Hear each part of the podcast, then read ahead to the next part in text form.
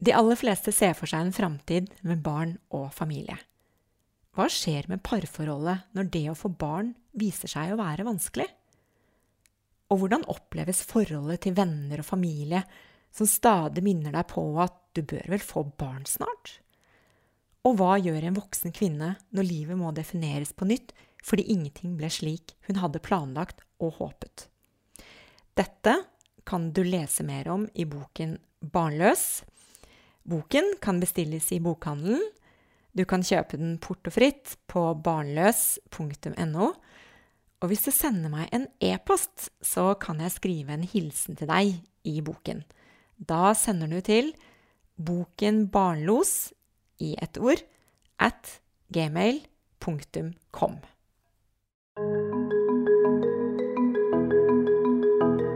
Dette er en podkast om barnløshet.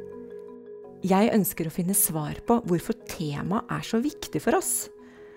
Jeg vil grave frem fakta på området, og ikke minst dele de viktige historiene bak. Jeg er Cecilie Hoksmark, og mitt mål er større åpenhet. Da vil jeg gjerne få ønske velkommen til deg, Anne Kyong Suk Øfsti. Takk.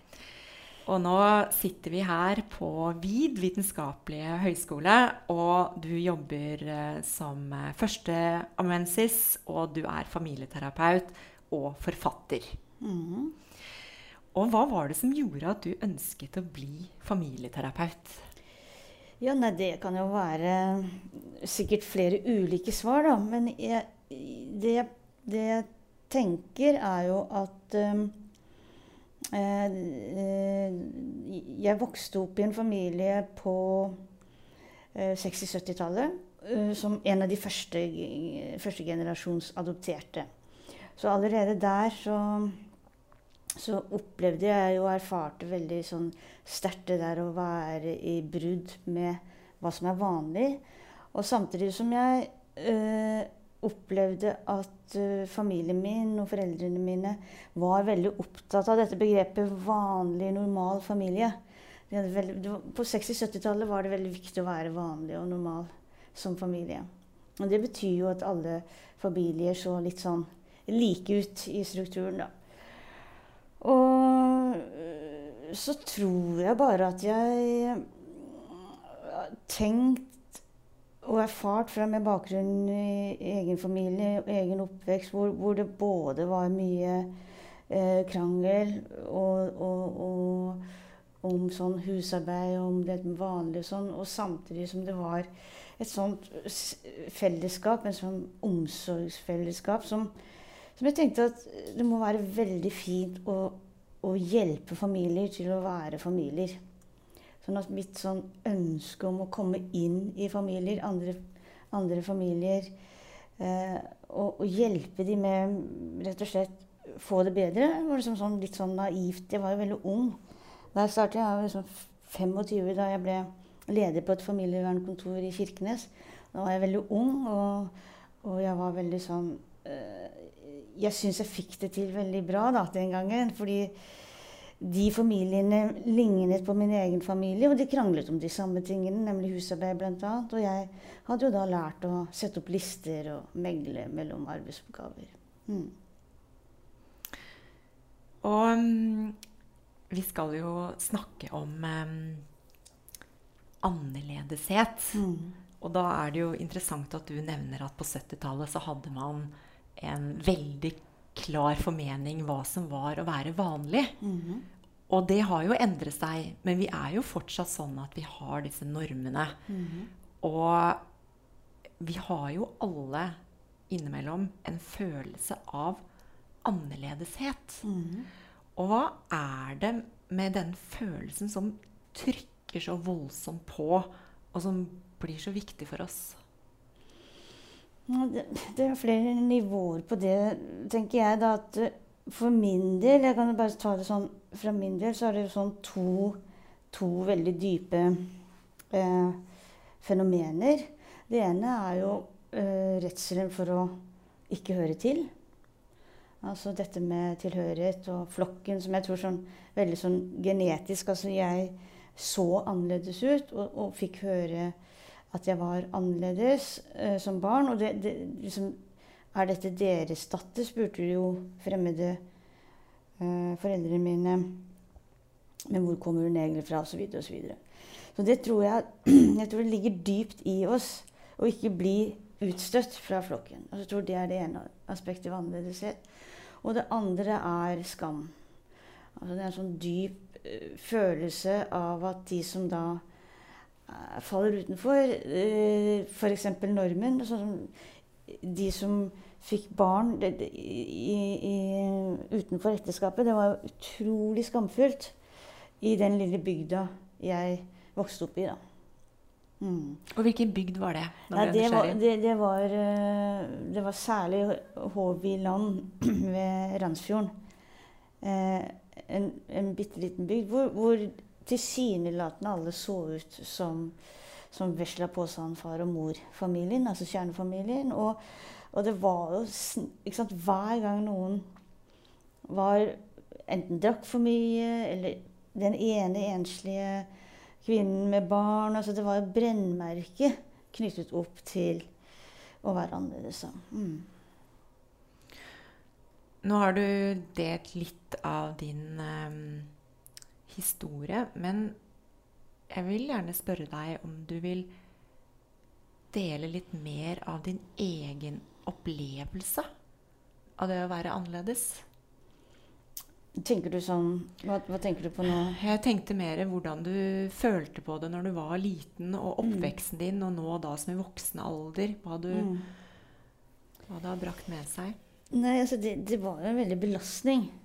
Altså jeg tenker på Jeg tenker jo tilbake på uh, Og dette er jo noe av det jeg er opptatt av. At det, uh, det, det blir liksom Annerledesheten blir kommunisert av uvitende voksne. Som man har liksom ideen om. Slik at jeg syns jo det var veldig plagsomt å være synlig i alle nye sammenhenger. alle nye sammenhenger. Da måtte jeg fortelle hvor jeg egentlig kom fra, hvem som egentlig var foreldre. Det var en sånn stadig påminnelse om at det er noe annet, eller er, dette er liksom Ja, det er ikke eh, du, du, er liksom ikke egentlig norsk. Og det å, å stadig vekk uh, bli minnet om det, var jo en, eh, en skamfølelse. Altså, det, det ga meg jo en sånn opplevelse av skam. Det er noe som er feil.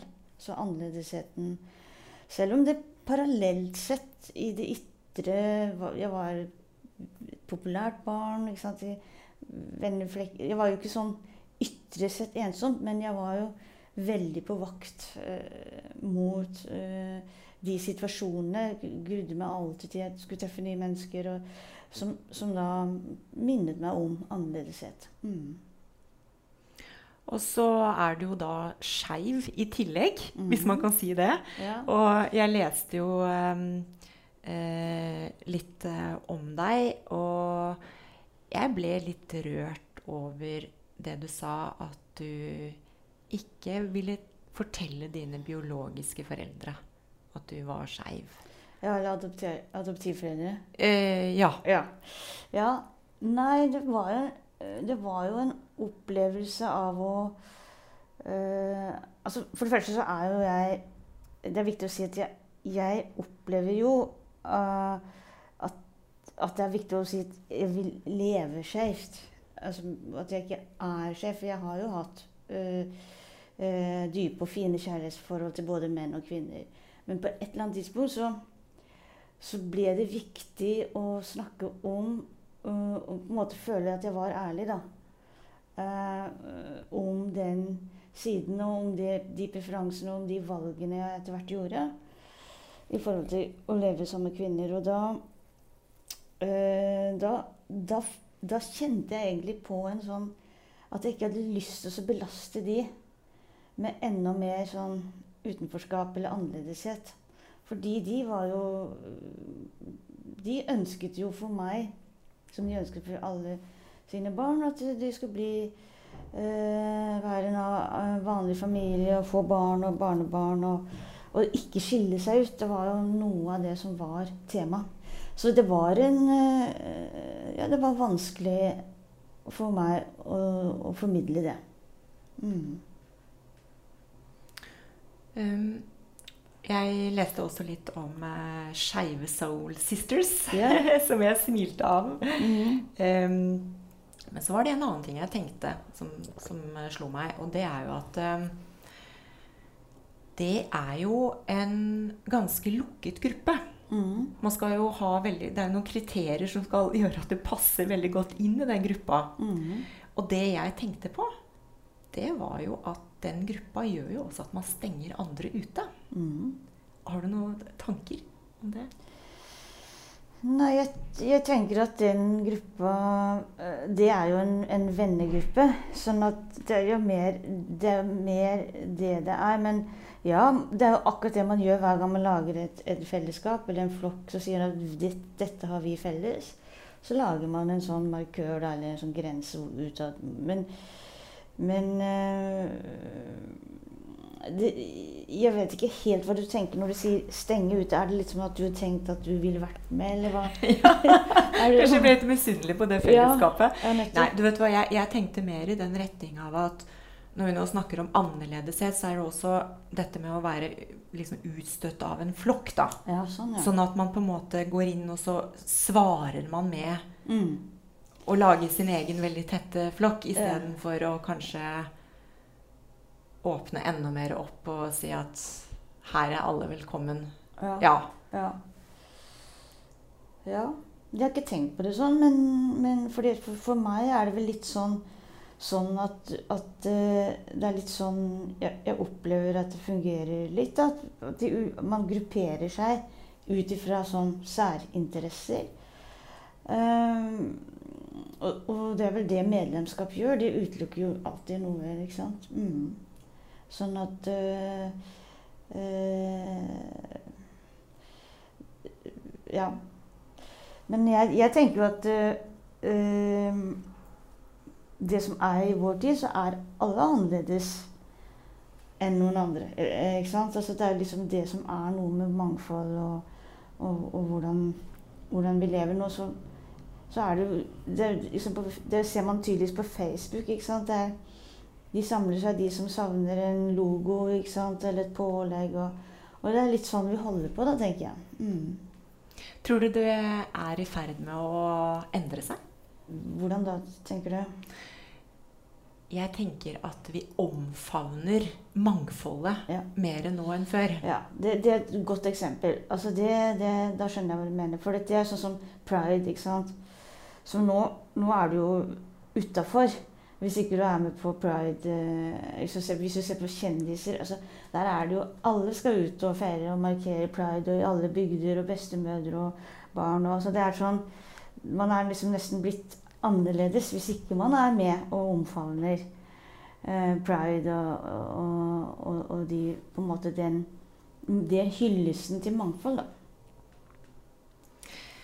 Men tilbake til denne skamfølelsen Mm. som eh, vi alle har fra tid til annen, og som er så Man har jo ikke lyst til å fortelle at man, at man har en skamfølelse engang. Så skamfullt er det. Mm. Um, hva kan gjøres for å dempe den?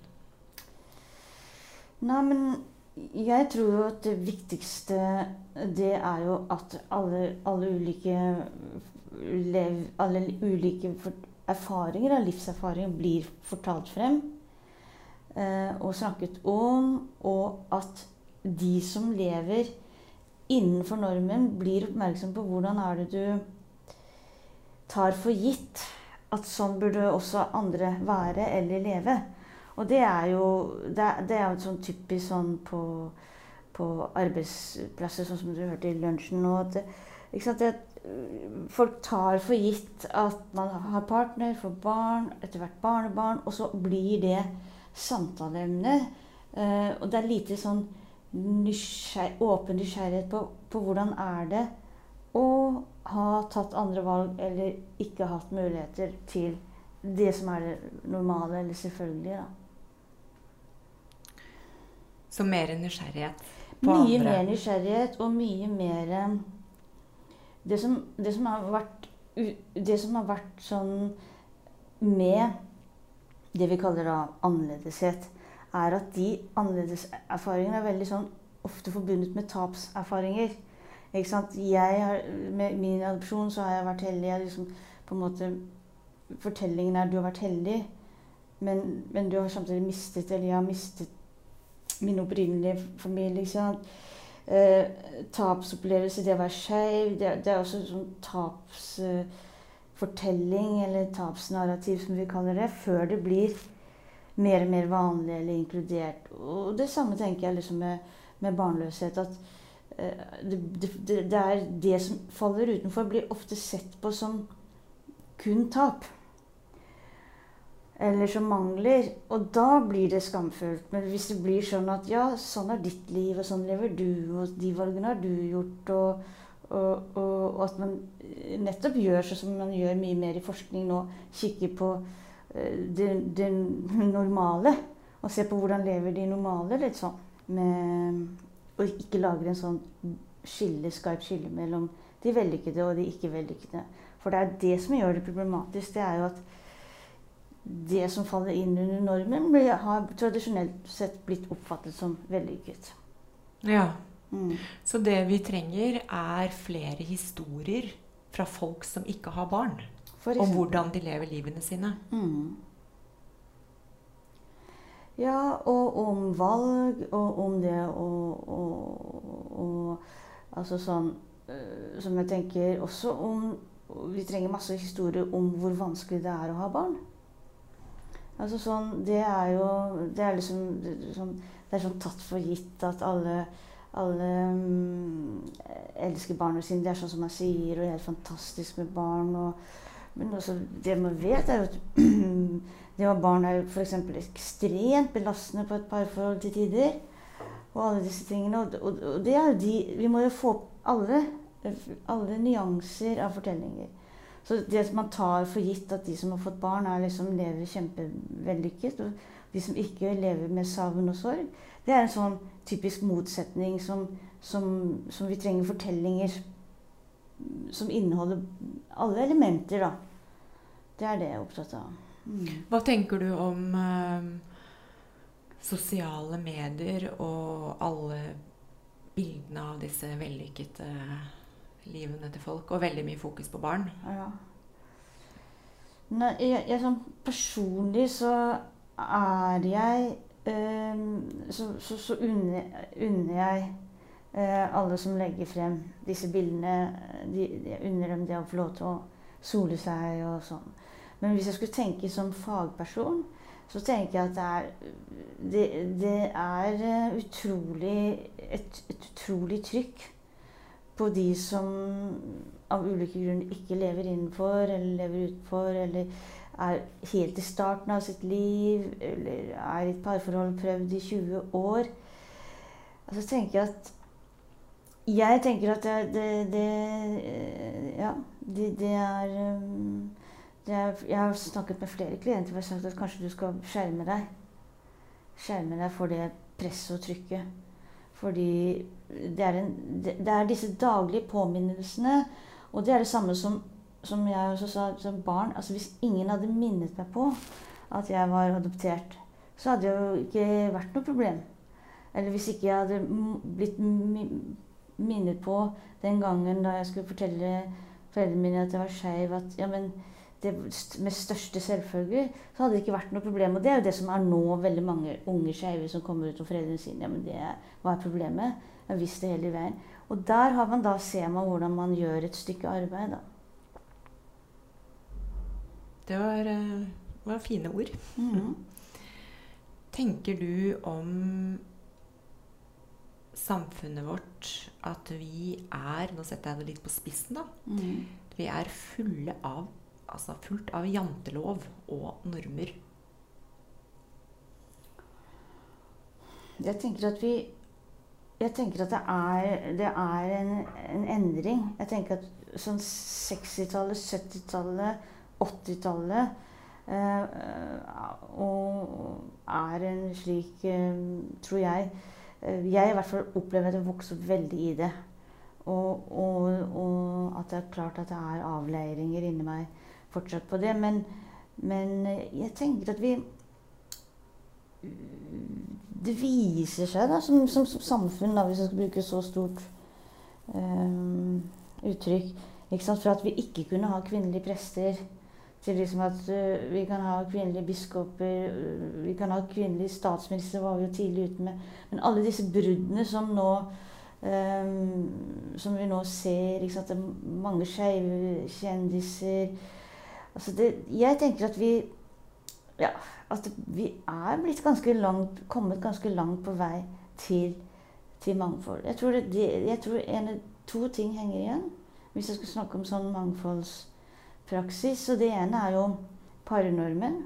Den er veldig sterk. Altså at man, man, skal ha en partner. Man skal ikke ha tre, og man skal fortsatt helst ikke være singel. Altså, den tror jeg er veldig sånn solid. Den sitter sånn dypt. Det som single mennesker snakker ut fra å bli snakket til som eh, du, du, kommer nok igjen. Du finner nok en partner, liksom. Noe, du mangler noe? Det mangler noe. Så det er den mangelretorikken da, som i sted. Den tror jeg er der. Og så tror jeg kanskje den er knyttet opp til barn. da. Fortsatt at det henger veldig igjen. At men du skal vel ha barn? Eller folk snakker med At de to tingene henger litt sånn igjen. Ellers så tror jeg vi blir rausere og, og, mer inkluderende og, og og mer og mer opptatt av, uh, av mangfold. Mm. Mm. Hva tenker du selv om at du ikke har barn? Nei, jeg tenker jo mange ting om det. Uh, jeg tenker jo at uh, jeg har jo vært i, i, i, perioder av livet mitt hvor jeg med største selvfølge har tenkt at jeg skulle få barn. og jeg har prøvd å få barn med ulike partnere. og og, og, da jeg holdt på med den prosessen, så var det så var det veldig sånn opplevelse. veldig sånn sorg og savn og ensomt. Og det var en periode hvor jeg nesten tenkte at kan man leve liksom et fullverdig liv? Da? Det er det vi snakker om, fullverdig liv uten barn. Men nå, nå er jeg veldig mm, På en måte helt oppriktig eh, litt sånn lettet.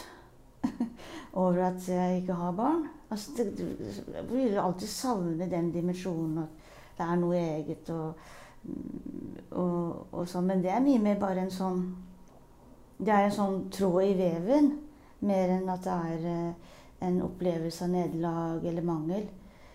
Um, og, det, og en av de tingene er at jeg har fått til veldig mye annet. og kuttet veldig andre sånn sterke bånd. Men også det at jeg tror det er veldig slitsomt å ha barn i, i vår tid. Jeg tror det er ekstremt eh, belastende også, selv om det er helt sikkert helt fantastisk og berikende. Nå er det så mange forventninger knyttet til hva, hva, hva det vil si uh, altså foreldrene jeg, jeg, tenker det gått helt sånn for, for, meg utenfra så tenker jeg at det er foreldrene som har liksom blitt nesten sånn Veldig mange foreldre sliter med at de ikke klarer å fylle alle de forventningene som barn skal ha, og bære de gjennom alle de eksistensielle krisene og bekymringer og sånn. Og det, sånn sett så kjenner jeg liksom at jeg, ja, jeg har brukt krefter og år og tid på andre ting. Mm. For du har jo eh, gjort karriere, og du har skrevet flere bøker. Mm. Eh, hva er det du er liksom stolt av at du har fått til? Det som jeg er glad for at jeg har fått til, er at jeg eh, tror jeg er en ganske god samtalepartner for familier og par. Det er iallfall den, den, eh, ofte den tilbakemeldingen jeg får.